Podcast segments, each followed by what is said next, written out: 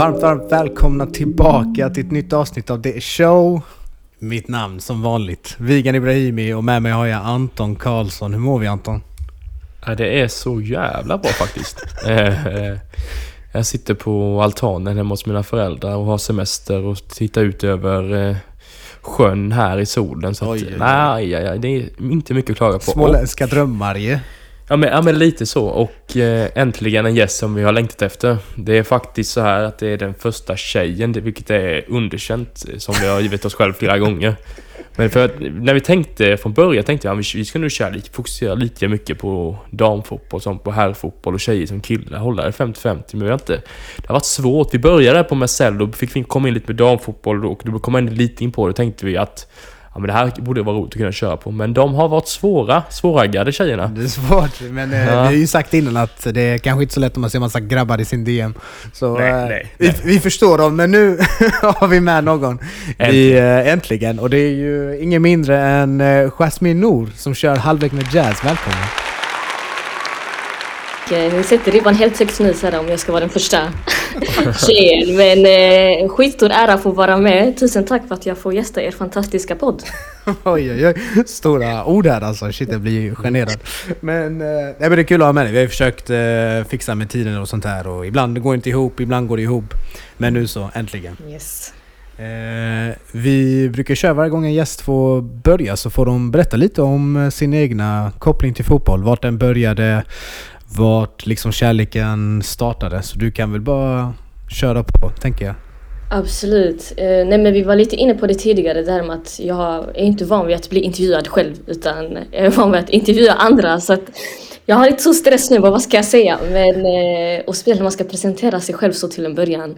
Eh, men ja, jag har väl alltid älskat fotboll. Eh, precis som alla andra egentligen. Eh, började ganska tidigt. Eh, jag vill inte påstå att det ska ha att göra med det vill säga familjemedlemmar och sånt, men jag tror jag har ändå blivit lite påverkad. Jag kommer från en fotbollsfamilj. Ehm, eh, bara växt upp med bröder.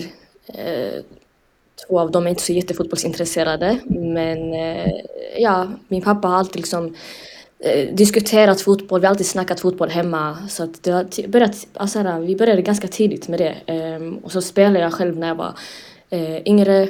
Ehm, och tyvärr, som de flesta tjejer, så la jag, upp, la jag av alltså ganska tidigt. Typ sådär någon gång i högstadiet. Och det är väl någonting vi kanske kommer gå in på lite mer sen. Men ehm, ja, sen så... Fotboll har alltid funnits liksom en del, det har alltid varit en del av mig och eh, min vänkrets och människorna runt omkring mig och sånt. Ehm, och sen så har jag haft privilegiet att kunna få jobba med fotbollen idag och det är någonting jag liksom alltid har velat göra men aldrig liksom vetat hur jag ska gå tillväga. Men jag startade i alla fall min podcast Halvlek med Jazz för ett par år sedan. Och sen på den vägen har det varit att, liksom att jag fått intervjua fotbollsspelare höger och vänster och lite så. Ja, du, du lever ju en, eh, en journalistdröm för oss, för vi gör ju inte något sånt och vi hade gärna velat så... Jag vet att du säkert har större ambitioner och sånt, men för oss så lever du ju journalistdrömmen. Du får träffa spelare och intervjua dem och allt det där, så det är, det är riktigt roligt att se och jag, vi, vi tycker du gör det skitbra faktiskt. Men tusen tack, verkligen det uppskattas. Nej men det, det är kul, det är såhär, eh, ibland man får typ nypa sig i armen. Eh, för jag, så jag fattar inte, typ såhär, bara för några år sedan, eller för något år sedan, eh, liksom få träffa stora stjärnor man aldrig ens kunde föreställa sig, typ vara i samma rum som, alltså Kaká, vi snackar stora namn. Ja. Så här, eh, men det är sjukt vad- vart livet tar en ibland. Du, du träffar ju, eller du träffar, träffar, du intervjuade ju nästan Zlatan nyss, det var på presskonferensen där, så det, det är sådana man bara ser på TV, du vet. Ja. 100 procent, nej men Zlatan, 100 gubbar. Så det, det är dags han får gästa både er podd och min podd snart. jag, jag vet att du har, du, har, du har tagit den platsen först, så vi låter dig absolut. Han får dra till dig först sen. Tack så mycket, jag ska, jag ska förmedla det vidare. Ja, gör det! Så, snälla, snälla gör det. 100 procent. Men eh, vart är du född och uppvuxen? Upp- Är det i... Eh, Ja, eh, jag är uppvuxen i Lund. Eh, både född och uppvuxen i Lund. Eh, och har väl spenderat här eh, hela mitt liv. Bodde en sväng i Umeå när jag pluggade. Eh, jag vet inte jag, hur jag hamnade i Norrland. Ja, vilken skillnad. ja. Extremt stor skillnad. Men annars, det har varit Lund. Sen så Lund är nära till Malmö, så det var alltså den förankringen, Malmö-förankringen, jag har jobbat där. Ehm, och liksom, ja, det är väl där jag har varit för det mesta.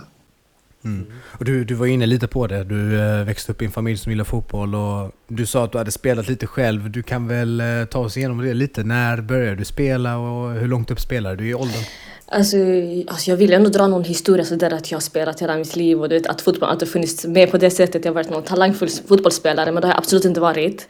Eh, och det är lite därför jag har valt den här riktningen att kunna få jobba med fotbollen off pitch för att på pitch, jag var inte alls alltså fem öre någon bra spelare om jag ska vara helt ärlig.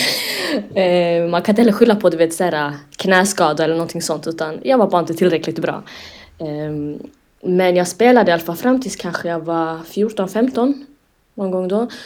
Och helt ärligt, mycket handlar väl mer om att alltså, fotbollen som sagt, den har alltid funnits med. Eh, man spelade med fotboll med vännerna på gården, grannarna eh, och så. Men sen så eh, började jag hos min modersklubb, eh, Lunds SK, där för övrigt eh, Behrang Safari också har spelat. Och efter att han la av la skorna på hyllan, eller från MFF, så gick han tillbaka till den klubben, men jag tror han lämnade den klubben nyligen. Men hur som helst, det har varit den klubben i alla fall vi har spelat i. Både jag och mina barndomsvänner eh, hade fantastiska tränare och så. Men jag vet inte, det är väl bara en grej som ung tjej tyvärr att många lägger av just 14-15 års åldern um, av flera olika faktorer. Alltså dels, det kan väl handla om uh, resurser, förutsättningarna um, och allt det där. Um, men sen så ja, jag satsade väl mer på skolan. Det var väl det som var prio nummer ett. Um, och som var viktigt för min familj också, att jag skulle satsa på skolan. Fotbollen tog för mycket tid. Um, men det var skitkul. Alltså, du vet så, man, man var med sina barndomsvänner, spelade i samma klubb, eh, man gick dit efter skolan. Uh, det var en grej man gjorde tillsammans. Uh, sen så försökte jag komma tillbaka till fotbollen 2016 någon gång. Um, nu kan jag inte göra snabb matte, men jag kommer inte ihåg hur gammal jag var. Kanske var någon, 20 någonting. Jag vet inte. Alltså efter pandemin, jag har tappat räkningen. Jag vet inte hur gammal jag är. Men... jag har slutat räkna åren. ja, ja. Men jag började i alla fall, jag gick tillbaka till fotbollen 2016, så då hade jag ändå ett väldigt långt uppehåll. Um, men det, det var inte, alltså, det höll inte måttet. Alltså jag, jag var inte tillräckligt bra. Um, körde typ kanske något år. Uh, sen så har man väl kört lite på skoj så, alltså typ futsal och sånt med sina vänner, alltså eh, typ inomhusfotboll och sånt. Men, uh, men ja, alltså idrottandet i sig, jag gick ju över till boxning istället. Ehm, och boxning, alltså jag är sån, om jag ska börja på någon sport så måste jag gå all in. Alltså för mig, jag ser bara tävling. Mm. Jag kan inte vara alltså, typ sån medelmåttig spelare eller så, alltså, utan Tyvärr, alltså, jag vet att det är jättetoxiskt att säga kanske men jag går all in eller inget. Eh, så det var främst den anledningen till varför jag la av med fotbollen för jag kände att jag kan bli bäst på detta. Det är för sent. Eh, då ska man börja som treåring. Eh, det var lite därför jag började med boxning för att alltså, inom boxningen så är det också lättare att typ satsa. Alltså man ser typ 37-åringar börja på boxning och bli helt plötsligt alltså bäst inom sin gren. Ehm, men ja, på den vägen har jag varit i alla fall. Mm. Men du berättar om hur många unga flickor eh, alltså, lägger fotboll på hyllan tidigt. Och mm. att det kan bero av olika anledningar. Vad, vad, hur tror du man kan göra för att det inte ska ske att många lägger upp i 14, 13, 15 års ålder? Vad beror det på, kanske lite noggrannare, och varför? Hur kan man göra för att det inte ska ske liksom? Ja, men det är en jättebra fråga. Alltså, det är jättemånga faktorer som spelar roll. Alltså, dels tror jag mycket på alltså, förutsättningarna. Eh, nu är förutsättningarna betydligt bättre än vad det var för 10, 8, 20 år sedan. Eh, men jag tror mycket också handlar om att vi behöver fler kvinnliga eh, ledare, kvinnliga tränare för att Alltså dels för att de här unga tjejerna ska kunna spegla sig i tränarna. Eh, kvinnliga tränare förstår de här unga tjejerna betydligt bättre. Ehm, eh, ja, vad mer kan spela roll? Alltså, ja, men bara förutsättningarna, det är så här, ekonomin, alltså massa sånt. Eh, bara nu för några, för typ två år sedan, så alltså de här unga tjejerna vill ju spela fotboll. Det är inte det det handlar om. Alltså, de vill satsa på fotbollen och komma någonstans och komma långt. Och de har drömmar, de har ambitioner. Eh, bara för några år sedan så, start, så var jag med och startade upp spontanfotboll för unga tjejer i Rosengård. Eh, tillsammans med FC Rosengård. Och, eh, och du vet, under alla åren har man alltid fått höra unga tjejer i förorterna de vill inte spela fotboll. De, eh, de lägger av och, ja, med höger och vänster. Ehm, men när vi väl startade upp den här spontanfotbollen så såg vi att det fanns ett enormt stort intresse. Alltså det var 60 till 100 unga tjejer som dök upp på plats. Och jag tror när man väl fångar upp dessa tjejer så är det viktigt också att hålla kvar dem. Och det är väl det största problemet är att man startar typ initiativ, man satsar på unga tjejer under en kort period. De här små projekten som man gör i förorterna hela tiden. Ehm, de här unga tjejerna blir typ försökskaniner. Men sen så lyckas man inte typ hålla kvar dem heller. Eh, och jag har faktiskt helt ärligt inte svaret. Men jag tycker bara det är viktigt att hålla kvar de unga tjejerna när man väl har dem eh, och satsa på dem alltså när det kommer till ge dem rätta förutsättningar, resurser, det är också en stor fråga eh, och massa sånt. Eh, ekonomi spelar en enormt stor roll. Eh, många har inte råd eh, och sånt. Så jag tror det är sånt det handlar om faktiskt. Alltså det där med spontanfotboll är ju något vi har snackat om innan. Anton har ju nämnt det väldigt mycket. Han tycker det är bästa som finns i hela världen. är det så? Får man veta varför? Det är så... Berätta Anton, varför, varför brinner du för det där? Nej men framförallt, ja, det är för att det, det är jävligt roligt men också för att det är, du får de där timmarna. Alltså du kör ju timme efter timme efter timme och du spelar match. Det, alltså för mig kan det inte vara något bättre sätt, alltså då det menar jag rent fotbollsutvecklingsmässigt.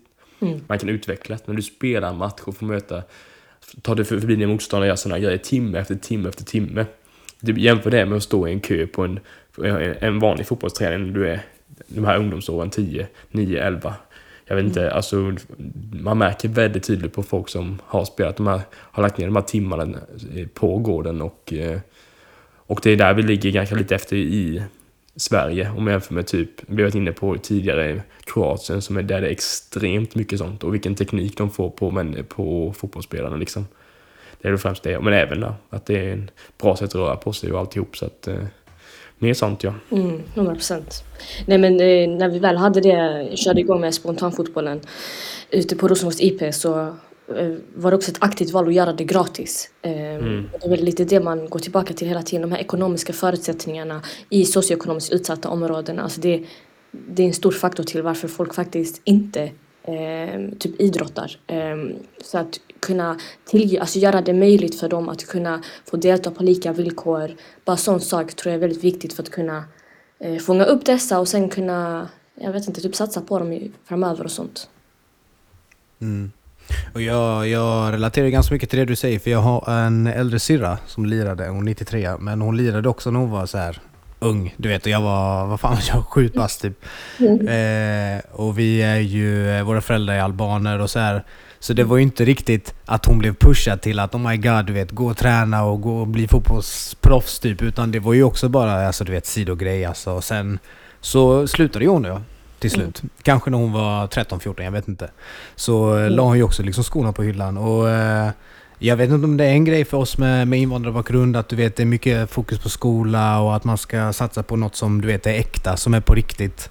Mm. Eh, men har det varit så lite för dig också eller hur, eh, hur har du sett det ute i Rosengård i alla fall? Eh, ja, alltså jag kan inte prata för alla där men om jag utgår från liksom mig själv och sånt där så var det såklart viktigt. Alltså skolan är prio nummer ett, alltså alltid. Men nu när du nämnde din syra så satt jag bara typ reflektera lite över, jag tror också mycket handlar om att Alltså vilka har dessa unga tjejer fått se under sin ungdom, under sin barndom? Um, alltså det enda spelare man kommer på, typ Aslani, eh, som man kunde relatera till.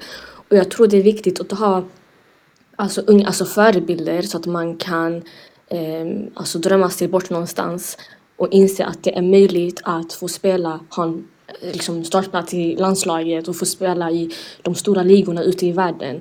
Men har man inte någonting konkret, någon så på det sättet, någon förebild som kan vara som en inspirationskälla för en. Jag tror det blir väldigt svårt att kunna, den drömmen det blir för, alltså det blir bara en dröm. Eh, det blir så här något man, det, man kan nästan inte ta på den, förstår jag menar? Mm. Eh, och jag tror mycket egentligen grundar sig i det, alltså vilka eh, spelare med invandrarbakgrund har man fått se i de stora ligorna, eh, i liksom landslaget och nu såklart man har fått se alltså Madeleine Janogy börja komma in mer, Sejira Musovic eh, och så.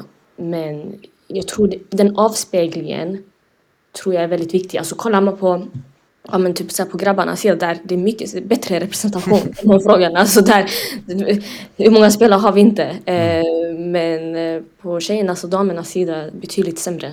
Mm. Jag kan bara tänka hur det var för min syrra då när hon lirade sig att det var typ 2007 eller något. Alltså det var inte så många som hon kunde se upp till, exakt som du säger. Och eh, i den åldern så var ju typ den enda kvinnliga fotbollsspelaren jag kände till, det var ju typ Marta. För Mm. att ja, hon, var, hon, var, hon var helt djurig. Du vet, vann Ballon d'Or och grejer för, för damerna. Alltså det, var, alltså det var ju sådana jag kände till och det är inte ens många. Och nu är det ju mycket, mycket bättre, du vet. Så eh, absolut, jag tror att framtida generationer får fler att se upp till. Exakt. Och sen, jag måste också bara säga, alltså, typ så här, bara sån sak som att alltså, idag är det möjligt för damer och kvinnor eh, att få spela i, liksom, i Arsenal, i Manchester City och alla de här Milan, alltså alla de här storklubbarna, Real Madrid, Barcelona, kolla på Fridolina Rolfö som vann Champions League. Alltså de drömmarna Alltså jag, jag unnar verkligen den här generationen det här. Att det var sånt som var otänkbart för vår del eh, när vi växte upp. Eh, alltså så att jag tror det blir mycket lättare för dem att kunna... Jag vet inte, när man har sånt där framför sig, det blir så här, eh, Det är en självklarhet att kunna få säga som liten att man ska bli fotbollsproffs. För man har sett det och man ser att ja, men folk får betalt idag, de kan leva på det. Eller, ja, eh, och sånt. Men eh, helt andra förutsättningar förut. Ja, så är det ju. Och eh, landslaget vill man ju ofta ska representera liksom samhället och det är kanske inte det har gjort riktigt i damlandslaget senaste året där det bara varit eh, ja, folk utan invandrarbakgrund i landslaget så att det blivit svårt. Vad- Hade du några speciella förebilder när du växte upp och spelade fotboll som var damer eller var det bara herrar då eller hur såg det ut? Alltså ja, det var mest herrspelare om jag ska vara ärlig. Sen eh, så- såklart alltså Marta har alltid varit en legend. Sen så spelade han också spelade i Sverige ett tag. Men annars, alltså helt ärligt, verkligen inga andra spelare. Eh, alltså, det, de spelare man alltid har sagt och sett upp till, det är herrspelare för att det är de man har kunnat relatera mest till. Ehm, och eh, ja, inte som jag kommer på just nu. Nej. Vilka var herrspelarna då? Vad hade du för spelstil? Oj, vilken spelstil jag hade! Den fanns inte ens. nej, men, nej men Zlatan, alltså 100 procent. Speciellt när man är från Skåne också. Det är så här, äh, Zlatan är givet. Men också med tanke på allt han har åstadkommit utanför plan och, ehm, och så. Eh, eller personen han har varit rättare sagt. Eh, men eh, ja, sen alla Arsenal-legender. Eh, Eftersom man själv är Arsenal-supporter. Jaha, du gunnar alltså? Yes, såklart. Blir jag bannad nu från podden eller är det okej? det går bra, men ja, jag är United-fan men det går bra. Det går bra. Uh, Okej, side-eye, men ja. Bombastic eller? bombastic side eye, criminal offensive side eye. Men eh, om, om du tänker tillbaka på hur det var när du eh, lirade liksom som ung och sånt här och hur det ser ut nu. Vad tror du vi har blivit alltså, mycket bättre på? Vad är det som sticker ut som vi har gjort för att du vet, förbättra det liksom? Oj, Um, ja, det var en riktigt bra fråga faktiskt. Uh, vad svarar man på det?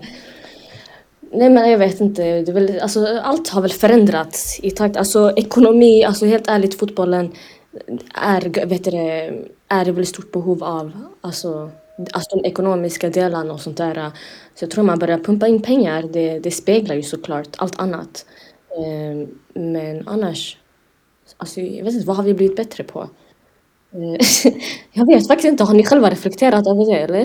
För jag har kommit på något. Jag kan, nej, alltså jag kan tycka så här, det är, det är lite frustrerande på ett sätt men samtidigt glädjande att eh, alla de stora klubbarna börjar satsa på damerna. Det blir, Alltså eh, allsvensk, damallsvenskan blir ju så pass mycket som det, för bara några år sedan var det ju bland de bästa ligorna. Vi var med i Just det. Champions League och sånt men nu när de stora klubbarna börjar satsa och sånt då det känns så frustrerande att vi blir sämre och sämre för varje Vi kan inte hänga med när vi har varit på toppen för att vi har varit eh, tidiga på damfotbollen. Men vi är bara sämre och sämre för varje och det är svårt. Och det handlar ju om ekonomi. Men nu är det många stora klubbar som satsar på sina damlag också i Sverige. Så att det är väl det vi måste göra. För det, det är som du säger, det handlar ju om ekonomi om man ska bli bra egentligen. Det är inte så. Precis. Malmö. FFs damlag är ju, börjar ju jättestor uppgång och fick värva jag vet inte vad hon heter nu, men en jättefin spelare som har vunnit eh, damallsvenskan flera gånger om och de spelar ju, inte är det tredje eller andra ligan. Mm. Så att det, det, man behöver ju att de här stora klubbarna ska satsa på sina damlag för att det ska bli bra damallsvenska. Mm. 100 procent. Och eh, jätteviktigt att du påpekar just detta för att eh, som du sa, damallsvenskan, alltså det var en, liksom en liga man såg upp till och som var verkligen på framkanten och allt det där. Men det är så viktigt också nu när man ser flera spelare som spelar och har spelat i damallsvenskan tar sig utåt eh, till liksom Women's Super League, alltså, eh, till, liksom, alltså, till Spanien, Italien och vad det nu är, liksom, och de andra ligorna.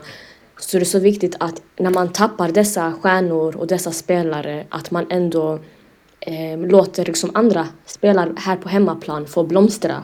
Eh, och att man inte, bara för att man tappar spelare så betyder det inte att man ska liksom bromsa arbetet här på hemmaplan utan det är bara att fortsätta få fram bra spelare och satsa på de här. För att om alla taggar, vad har vi kvar? Ingenting. Mm. Nej, precis. Men eh, det, det är ju som det är både i damallsvenskan här. Det gäller att eh, få pengar för de bra spelarna som man säljer nu så inte det bara alla går gratis. Man vågar inte riktigt satsa och skriva de här långa kontrakten så man kan få pengar på övergångssumma. Mm. För annars kan det bli lätt så att man, ah, vi vågar inte skriva längre kontrakten, kanske ett år i taget för att vi inte har så mycket resurser.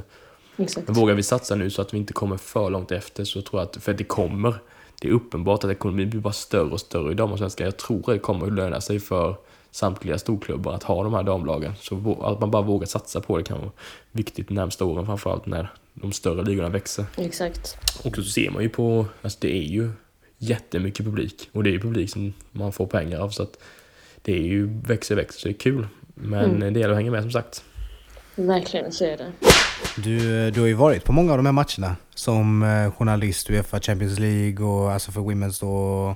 Du har även varit på VM och bevakat i Qatar och grejer och det känns eh, som att du har sett en hel del. Men hur kom du in på journalistspåret egentligen? Alltså om jag ska vara ärlig, jag är lite så, eh, jag har varit så fram och tillbaka. Vad ska jag kalla mig journalist? Ska jag inte kalla mig journalist? Det är något jag har funderat på ganska länge. men, för, men främst egentligen för att jag faktiskt inte Alltså idag så är det inte så att jag typ sitter och ägnar mig åt typ journalistik på det sättet att jag sitter och du vet, alltså journalistik handlar ju mycket också om att kunna använda det, alltså granska och allt det där. Och jag, jag ser mig mest egentligen bara nu på senare år mer en person som eh, typ storyteller och typ en person som eh, bevakar och ja, fotbollsreporter. Eh, men såklart så är det ändå journalistiken man använder som verktyg. Men ja, men jag har sett ganska mycket och det har varit kul och det... Eh, vad ska jag säga? Det, alltså speciellt också när jag växte upp sånt där så var det inte en dröm som var möjlig. Alltså även ifall jag började med detta relativt tidigt ändå. Eh, jag började köra intervjuer med liksom, folk som spelade i min modersklubb eh, som 14-15-åring på skoj. Eh, men jag visste inte att det var möjligt att kunna få alltså, tjäna pengar på detta. Eh, så det är skitkul ändå att kunna få liksom, att ha banat sin egna väg, testat sig fram. För jag har inte haft personer runt omkring mig som liksom har guidat mig så på det sättet utan när jag väl började liksom med min resa, eh, det var då jag började hitta nyckelpersoner som kunde typ ja, men typ vara som mentorer för mig och guida mig. För typ sån sak som eh, mixad zon. När folk sa till mig att du ska till mixad zon. Jag hade ingen aning vad det var för någonting. Jag var tvungen att hitta, alltså, låtsas som att jag fattar allting. så det, men det har varit kul ändå att bana, alltså, få bana sin egna väg. Och man ser ju också att alltså, spelare uppskattar ens närvaro. Och jag förstår dem till hundra procent för att de har aldrig fått se en person som är i dessa rum. Det är väldigt vitt, det är väldigt homogent. Eh, det är en viss jargong. Ehm, och man ser direkt att många av dessa spelare, speciellt med invandrarbakgrund, de känner sig avslappnade för de vet om att vet, de kan snacka på sitt sätt utan mm. att... De kan bara få vara. Och jag tror sånt där är fett viktigt faktiskt. Mm. Fan vad jag håller med, för vi, alltså vi är ju lite så också. Det är inte så att vi sitter och drömmer om att bli journalister och sånt, men vi startade ju detta på grund av... Du vet, det var kul. Vi hade spelat fotboll ihop och det var, det var ingen som riktigt snackade om ungdomsfotboll, du vet. Så vi tänkte att shit, vi, vi startar någonting, men vi har inte heller haft någon som liksom har sagt till oss hur det går till eller något. Och eh, vi kände också lite så, det var mycket, mycket i media var typ lite samma. Och det kändes inte lika genuint. Men typ det, det som du har gjort, alltså helt självständigt och grindat din väg. Det känns mycket mer genuint. Så jag fattar att spelarna kan dras lite mer till det. Nej men det uppskattas verkligen och, och speciellt som med er podd också. Det är skitkul att se, som ni var inne på, jag tror innan vi började spela in kanske. Men att liksom ändå att ni gör detta, som jag har förstått det, ideellt va? Ja. Mm. Och ändå producerar liksom material vecka efter vecka. Eh, och jag tror när man jobbar med, liksom, med hjärta och har en passion för någonting, att det blir också mycket roligare att kunna liksom, att få göra det man gör. Och, och, eh, och det, resultatet talar för sig självt sen också. Det, folk uppskattar en, folk ser en, folk vill säkert vara med på ens grej, förstår du? Så det är eh, ja, big up till er också.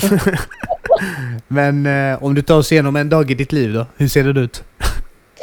Oj, alltså det är jätteolika. Eh, alltså jag har tusen olika roller. Eh, just nu har jag lite sommarlov. Eh, annars är det väl läraryrket. Ja, eh, sen så. Alltså det är jätteolika. Men typ nu. Vad ska jag säga? Alltså varje vecka ser helt annorlunda ut. Ibland kan jag inte ha någonting att göra. Eh, I vissa dagar. Men typ en normal dag är väl mer. Speciellt som frilansare, för det är väl det jag gör just nu. Eh, att man jagar hela tiden möjligheter, hela tiden mailkontakt. Ring den, snacka med den. Eh, man blir trött på det här. eh, sen så har jag tagit lite paus med min podd. Men när, jag hade, när podden var i rullning. Senaste avsnitt var väl för typ några månader sedan. Eh, jag har spelat in några avsnitt nu inför VM. Eh, och det är väl mycket, i och med att jag gör mycket på egen hand. Alltså, man får redigera, kontakta personer, intervjua personer. Eh, programinnehåll. Och allt sånt där, det tar väl timmar och dagar. Men samtidigt, det är någonting alltså jag brinner för och älskar. Så att eh, jag har inte touchat väggen än, så jag är tacksam. Allt för konsten. Jag är allt. Men eh, om vi ska gå in lite då. Det är eh, tisdag när vi släpper det här. Eh, och på torsdag om två dagar så börjar ju dam-VM. Eller VM, för jag vet inte vad det kallas. Dam-VM, jag vet fan, känns fel. Ja, fotbollsvän kanske, eller? Fotbolls-VM. är Fotbolls-VM. Sorry, Eh, Bete dig Anton, bete dig! Ja, men... Jag vet inte vad de kallas. VM. VM i fotboll. Eh, har du haft... Eh, har du koll på några unga damer som är på gång? Som har ett spännande namn som du får se. Och vad tror du om eh, Sveriges chanser? Och är det några spännande namn som du har koll på? Eh, Bland ja. eh, tjejerna. Ja, först och främst skitkul att eh, VM äntligen kickar igång. Nu var det ett tag sedan. Eller för, för damernas del i alla fall.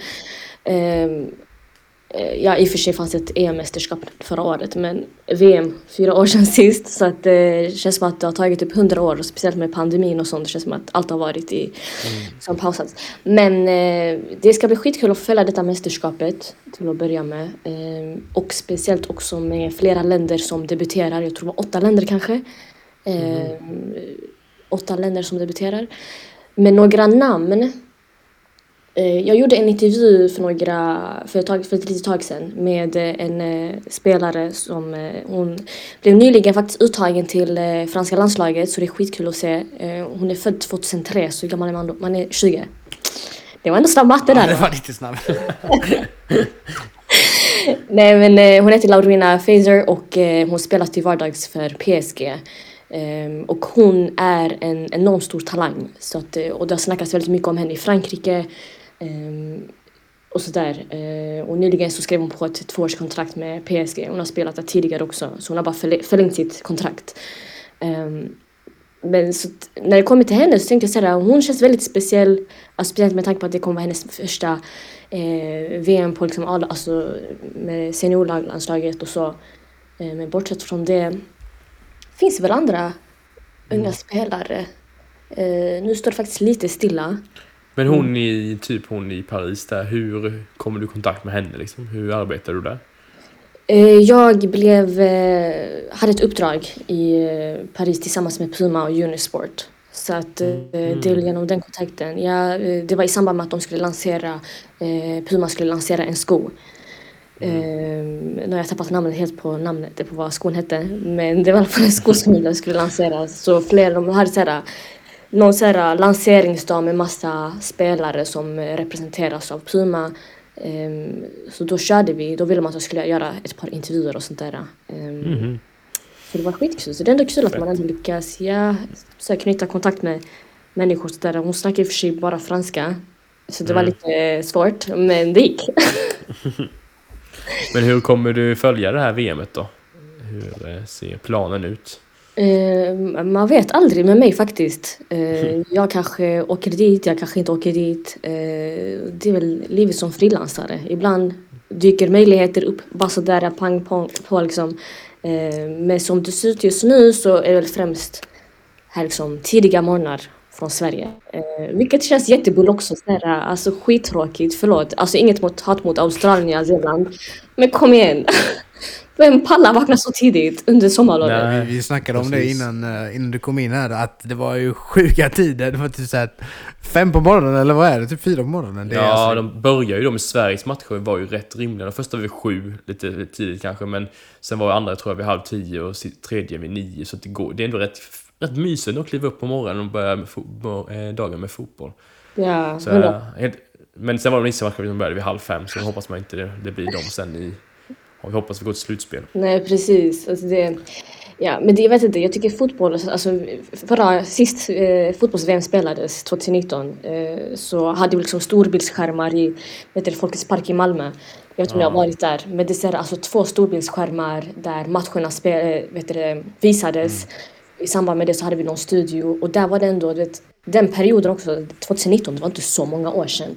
Men det var liksom en period då folk snackar om att ja, men ingen vill liksom kolla på damfotboll, vem bryr sig om eh, fotbolls-VM och så vidare och så vidare. Men när vi väl visade dessa matcher, alltså det dök upp tusentals människor på plats. Och jag, alltså, jag vet inte, VM för mig, alltså det är så här så när det kommer till mästerskap, man vill ändå ha det, en sån stor uppslutning. Eh, vet, Se på matcher ute på en park. Eh, Känna den gemenskap. Alltså nu, klockan nio på morgonen, fem på morgonen, ska man sitta och kolla på matcherna själv? Alltså skittråkigt. Ja.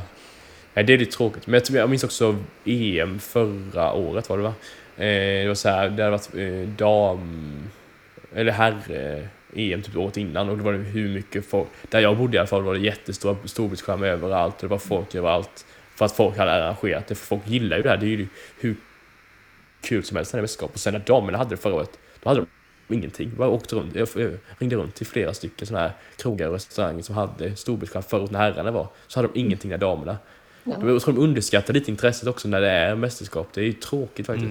Verkligen skämmigt faktiskt. Men vi får se. Jag, vet inte, jag har inte sett så stor hype om jag ska vara helt ärlig här. Alltså kring just detta mästerskap. Ehm, men jag hoppas att det börjar, alltså nu är det bara några dagar, någon vecka kvar. Så jag hoppas att hypen börjar eh, alltså, så dra igång med tanke på att vi ändå har, alltså Sverige ehm, är liksom ett stort liksom, landslag. Eh, det har gått bra för dem de senaste åren. Ehm, har bra rutinerade spelare. Så jag hoppas de får den hypen de faktiskt förtjänar ändå. Mm. Det brukar vara lite efter VM som man märker att... Eh, alltså hur bra VMet var. För det märkte jag nu med Qatar. Du vet det var mycket snack om att det var i Qatar och hit och dit. Och, men efter, efter att det är klart så tänker man tillbaka och bara shit det var ändå ett bra VM. Det var ändå mysigt att kolla lite så här konstiga tider och sånt där. Men man, man märker det i efterhand tror jag. Och inser. Precis, och speciellt under vintern kan jag tänka mig också om man var här liksom att det eh, och sådär. Men ja, det är som, precis som du säger, det är oftast efteråt man inser att shit, detta var faktiskt det bästa mästerskapet. Ja, vad tror du om Sveriges chanser då? Eh, alltså jag vill inte säga äga någonting. Men jag tror, om jag också ska vara helt realistisk, eh, det blir inget guld för Sverige. I'm so sorry guys. Men, eh, bara för det kommer de vinna guld. Men nej, jag tror Vi kommer hålla det you om de gör. Nej, nej, nej, nej de, de måste kliva bort detta alltså. eh, men jag tror ändå de lyckas, ja men typ till kvarten kanske, som längst. Eh, för att helt ärligt, det finns så många bra lag, alltså USA, Tyskland, de här stornationerna som har eh, levererat år efter år. England, herregud, som vann EM förra året.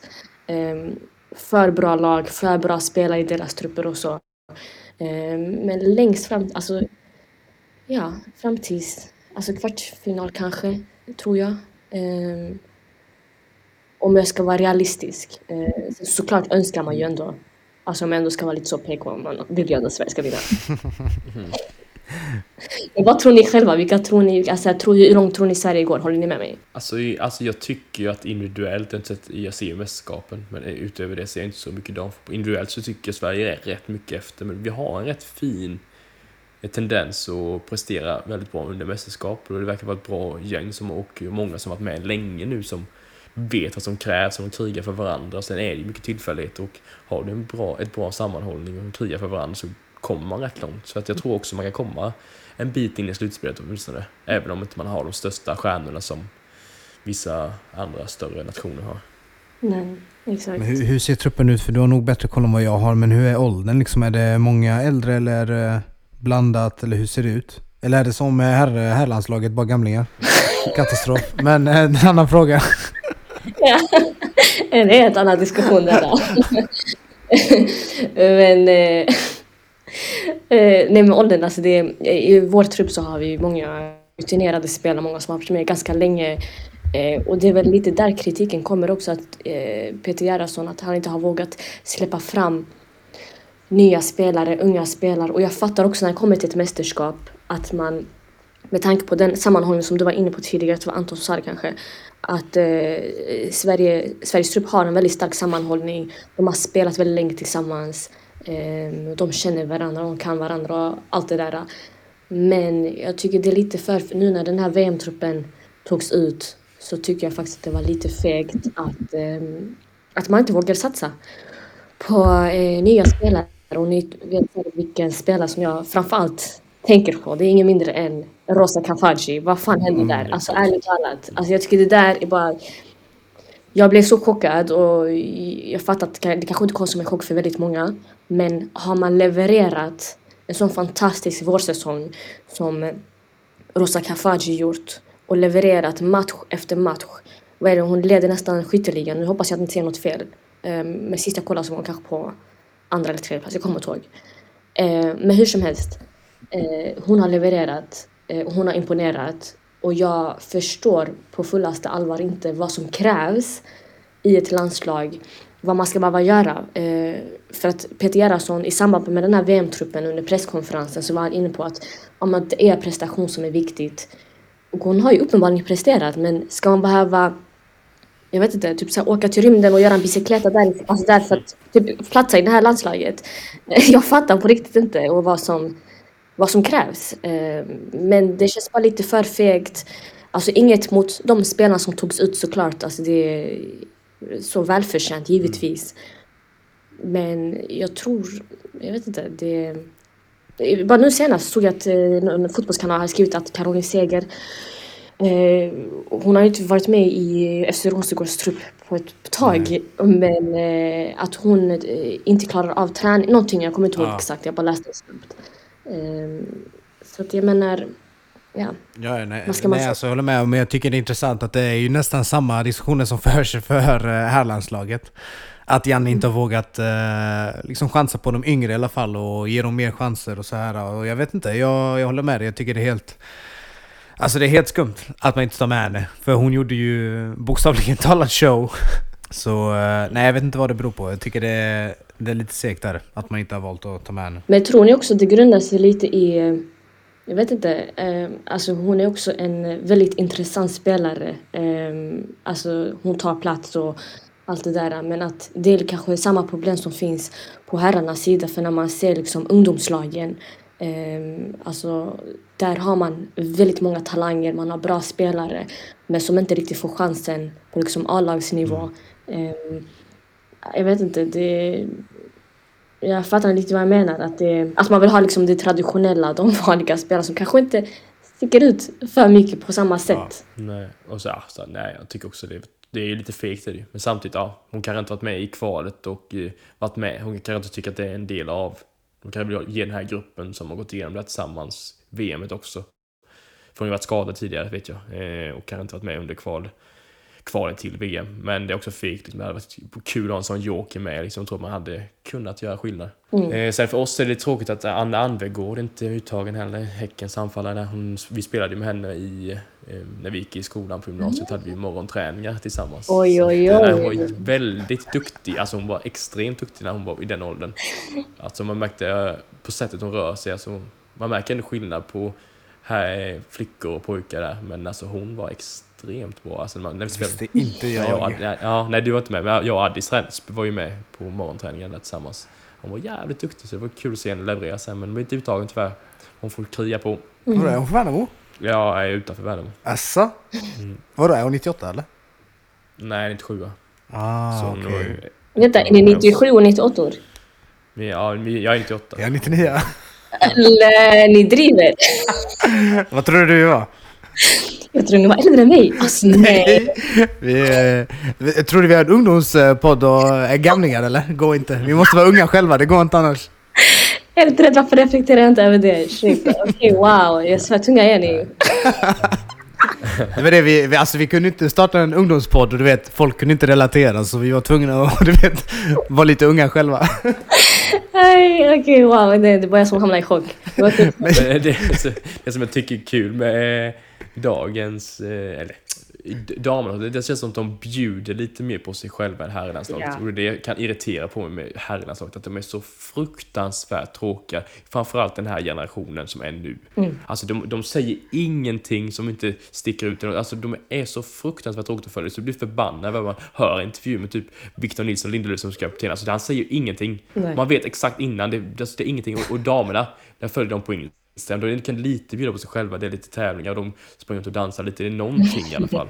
Så det är, det är skönt i alla fall. 100 Jag procent. hoppas inte det kommer, så inte det tas ifrån dem även om de växer liksom så att de fortfarande vågar göra någonting. Du får tagga upp dem Jazz, du får ta tag i det här herrlandslaget och säga vad fan håller ni på med? Nej, nej, men det är exakt som ni säger. Man märker det verkligen att eh, eh, damerna är betydligt bättre på att verkligen visa mer av sin personlighet. Och det har man alltid varit. Eh, alltså liksom, man får ta del av deras... Alltså även när man intervjuar dem. De är jätteavslappnade och jätte... Alltså bjuder på sig själva. Eh, och det är väl sånt man vill se mer av. Och jag fattar att alltså, vissa kanske är extremt mediatränade också. Men eh, jag vet inte, på herrarnas sida, det känns som att de slappnar av mer när kameran inte sätts på. Annars är de jättesköna, men när kameran väl sätts på, det är den här eh, roboten som dyker fram. men Det man så såg finns det, efter förra matchen, katastrof. Det var. Herregud. nej, nej, men sen finns det roliga karaktärer, typ Elanga, han är skitrolig. Ja, ja, ja. Men han är skånsk så det är kanske någonting därifrån, jag vet inte. Det är kanske något, eh, det är kanske något ni har i vattnet. Ja, ja, Malmö. Hur är det generellt att intervjua herr och damspelare? Förbereder man sig någonting annorlunda? Märker man tydliga skillnader? Eh, oj, alltså nej. Alltså jag tycker folk är allmänt bra på att slappna av också. Jag tror mycket handlar också om att, eh, jag vet inte, att jag kanske är som jag är också. Eh, jag vet inte, är man själv avslappnad och sånt så får man ett avslappnat svar och, och allt det där. Men eh, alltså damerna generellt, de är ju mer Alltså kan liksom, eh, ber man dem göra någon TikTok, alltså 100 procent, de tvekar inte ens. Med herrarna, det är såhär, Nej, de exakt. tänker kanske för mycket på hur de syns och hur de framställs och sånt. Men annars, de är också fett sköna. Ehm, Men sen så har jag också, ett, alltså jag är egentligen en introvert person. Eh, Och, och ja, alltså jag måste ju själv mentalt förbereda mig oavsett vem jag träffar. Eh, speciellt också när det är ett- någon som jag vet på förhand kanske är lite introvert. Eh, så blir lite, det kan bli lite sån krock ibland. Två introverta i ett rum. Ah, den är svår.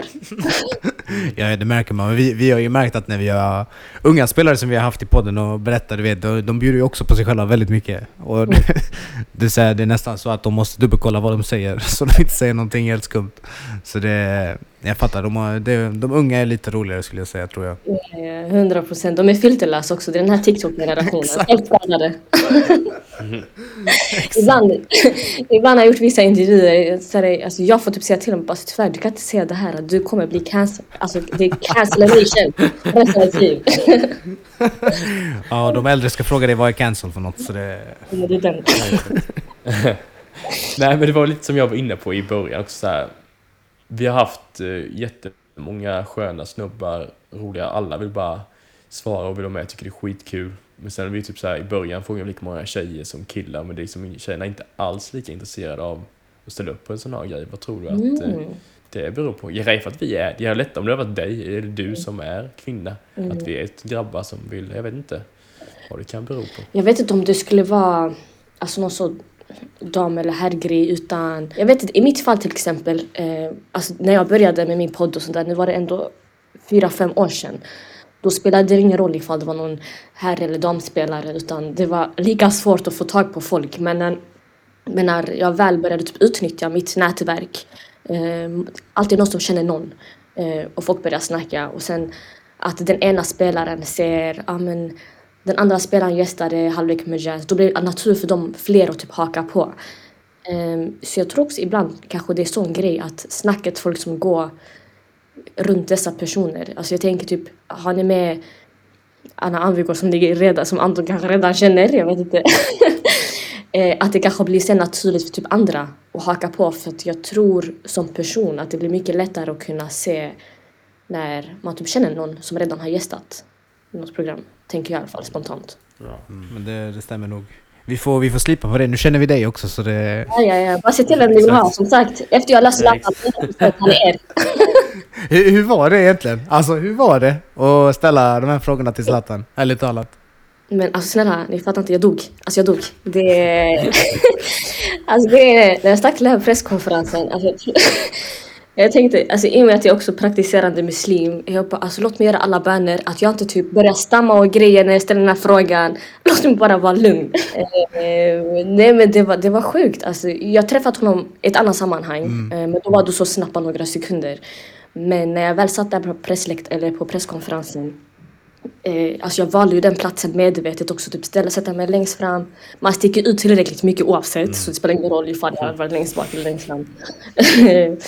Men eh, alltså nej, nej, det var 100% bland det sjukaste. Eh, och jag kände så här, efter det, alltså jag är klar, vad ska jag göra mer i livet? Det, Alltså bara gästa sen, enda- sen kan du vara klar. Ja, ja. Nu, nu har han lovat mig lite i alla fall, han gav mig en sån nickning. Så jag, exakt. Där vi kommer ifrån det betyder att okej, jag ser dig. Ja, ja. Exakt. Ja. Nej men det här är, alltså det här kanske låter jätteskitsat men jag alltså, är på riktigt queen av att manifestera grejer. Alltså, jag satt på tåget från Skåne till Stockholm och det här var innan det var ens klart att Zlatan skulle på presskonferensen den dagen. Jag hade skrivit ner i min bok frågor till honom. Jag bara, alltså jag ska träffa honom. Han, han kommer få mina frågor. Och då, där och då visste jag inte som att han skulle vara på presskonferensen, att jag skulle, skulle hinna få göra någon intervju. Eh, men eh, jag tror väldigt mycket, alltså väldigt mycket på att visualisera saker och ting. Om du så här börjar skriva ner grejer och säga det högt, hur skissat det än låter. Alltså folk har skrattat om mig, åt mig i flera år. Men när jag säger saker, det, det, saker går i uppfyllelse. Så jag tror mycket på sånt. Eh, Men när du tänkte att du var klar där med eh, Zlatan, så vad har du för eh, ambitioner? Vad tänker du om framtiden? Vad hade du, har du några drömmar och vad tänker du? Vad hade du verkligen velat göra med journalisten och journalistiken då tänker jag? Eh, nej men jag har alltid typ velat eh, alltså jobba som typ såhär, eh, alltså programleda någon fotbollsprogram, eh, alltså sitta i en studio. Det har alltid liksom varit drömmen. Eh, men nu, jag vet inte, nu när tiden har börjat rulla lite och sånt så känner jag typ såhär, det kanske inte är just det jag vill göra om jag ska vara helt ärlig. Utan i och med att jag själv eh, i grund och botten eh, jobbar som lärare och är lärare och jobbar väldigt mycket med barn och unga så känner jag bara att jag vill bara göra någon skillnad så att andra kan ta stafettpinnen och typ att det blir sån grej liksom att man har lämnat något avtryck. Eh, för mig handlar det inte, det är inte så viktigt för mig att vara på någon speciell position, något program, någon studio utan så länge någon ung tjej kan säga till mig sen, eller ung kille för den delen också, eh, att jag har på något sätt öppnat någon dörr så känner jag ändå, då känner jag mig typ nöjd, alltså på något sätt ändå. Eh, så det låter kanske jätteklyschigt men eh, i och med att fotbollen också, man kan se fotboll som ett samhällsfenomen och allt vad det innebär så tror jag väldigt mycket på att man, alltså det är väl någon skillnad så jag vill göra med fotboll som ett verktyg. Eh, så ja, men också fortsätta liksom få intervjua spelare, lyfta upp deras personliga berättelser, eh, göra fler uppdrag som utomlands. Eh, man lär sig väldigt mycket av människor från olika bakgrunder och, och så. Eh, och det har gett mig väldigt mycket och jag hoppas att jag kan fortsätta i den änden. Det, det är intressant att du nämnde det för vi hade ju förra avsnittet hade vi med Taib Sisic från eh, ja, TikTok, lite TikTok-kändis sådär. Men han är ju också lärare. Eh, Ja, han är skitstor ju. Skitkul. Ja. Jag på avsnittet också. Skitkul att se att han hade med honom. och, och där snackade vi också om det, om att han är lärare och du vet, han, han älskar ju fotboll också och försöker se, han ser ju många av de här unga eleverna, du vet hur, hur mycket fotbollen betyder och jag antar att du har sett samma sak liksom att eh, de som håller sig utanför, de som inte känner att de passar in, hur, hur mycket fotbollen betyder liksom. Mm, nej men hundra procent. Och, det- och speciellt i dagens samhälle också när det blir mycket svårare och, och allt sånt där. Så känner jag att, alltså, det, återigen, det här låter så klyschigt men fotbollen förenar verkligen. Och, alltså man kan bokstavligt talat eh, åka till vilken förort som helst, man kan åka till vilket land som helst eh, fotbollen kommer alltid vara ett gemensamt språk. Eh, och man ser att det ger väldigt mycket i människors liv eh, och har gjort det under flera år. Och jag hoppas att man ändå kan... Vet, fotboll det är glädje i slutändan. Eh, och det finns så många grejer man kan göra. För min del, när jag slutade med fotbollen egentligen i 15-årsåldern eh, om jag där och då ändå visste om att man kan jobba med fotboll på ett annat sätt. Man behöver inte bara bli liksom en professionell fotbollsspelare utan man kan göra så mycket annat. Um, då hade det varit lättare för mig att kunna jag vet inte, spåna på de drömmarna redan där och då liksom. Mm. Nej, jag håller helt med dig. För jag slutade också när jag var 15. Uh, eh, slutade, man tror jag var proffs. Men uh, jag slutade också och tänkte du vet att... Uh, ja, jag, alltså jag var inte heller tillräckligt bra. För vi lirade, vi mm. lirade ändå i Värnamo, Värnamo då, de var i Superettan och du vet, det blev, det blev konkurrens, konkurrens och jag bara, nej men jag, jag pallar inte. Och hade jag också vetat då att man kan ändå göra grejer med fotbollen fastän man inte spelar. Jag hade också börjat tidigare liksom. Men uh, ja, så det, det är kul att du nämnde det. Mycket gemensamt här. Mm. 100 procent. Nej men skitkul då alltså så med, med er podd också att man ändå kan alltså fatta ändå vilken skillnad man gör när man typ lyfter upp dessa viktiga frågor, eh, ungdomsfotbollen. Alltså ta den stafettpinnen för att nu, typ såhär, vilka snackar ens om ungdomsfotboll i podcastformat? Ja. Alltså vilka är experter i de frågorna? Och vem kan dessa frågor bäst om inte tydligen är ni unga? Så att, alltså ni fattar. Vi var där nyss, det var några år sedan. Nej. Ja. Men uh, det har varit skitkul att ha med dig Jasmine. Vi brukar ha en liten grej i slutet av varje avsnitt. Att vår gäst får uh, berätta något roligt om uh, de har varit med om. Någon rolig story eller någon upplevelse de har varit med om i, kopplat till fotbollen eller vad som helst. Och jag tänker att, att scenen är din om du har något roligt. Bollen är rund. jag har varit rolig 90 minuter, ska jag ha något extra nu också? ja, vi måste avsluta på topp.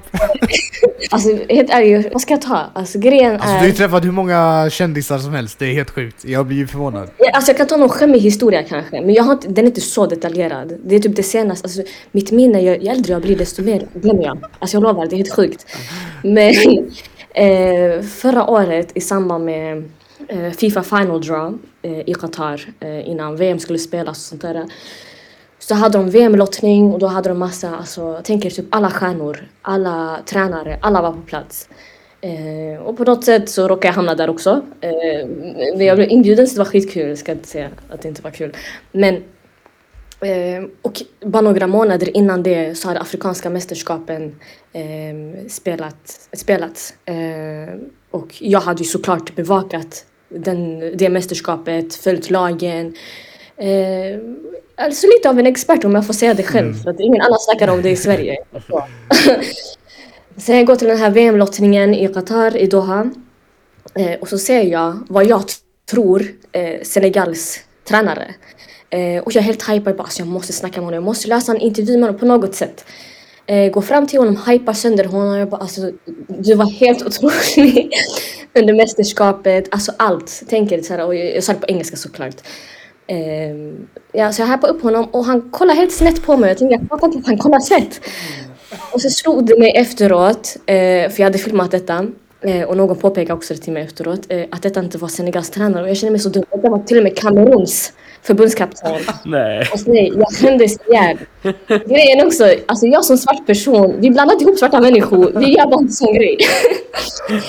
det var det var lite skämmigt. Eh, men eh, ja, shit happens ibland. ah, shit. Men det, var det där du såg Drogba och alla de här? Var det samma ställe eller? Precis, det var samma ställe. Så egentligen jag skyller lite på att jag var lite starstruck av alla människor. Tänker man ser Kaká där, man ser Drogba. Man ser alla personer. Så att eh, det kanske, jag var lite för blind kanske. Ah, nej, det är skitsjukt alltså att du... Alltså att, du vet man känner ju såhär, fan vad skönt de finns på riktigt. Men fattar du? Alltså, nej. Men också, alltså inte för att vara sån också, efter att jag sett dem, jag bara kände såhär, aha, var det bara ja, det? Ja, alltså, nu är det ingen big deal för dig. Ja, men vem, nu vem ska säga till mig att jag inte får Zlatan i min podd? Alltså, vem är han? Nej men det var kul.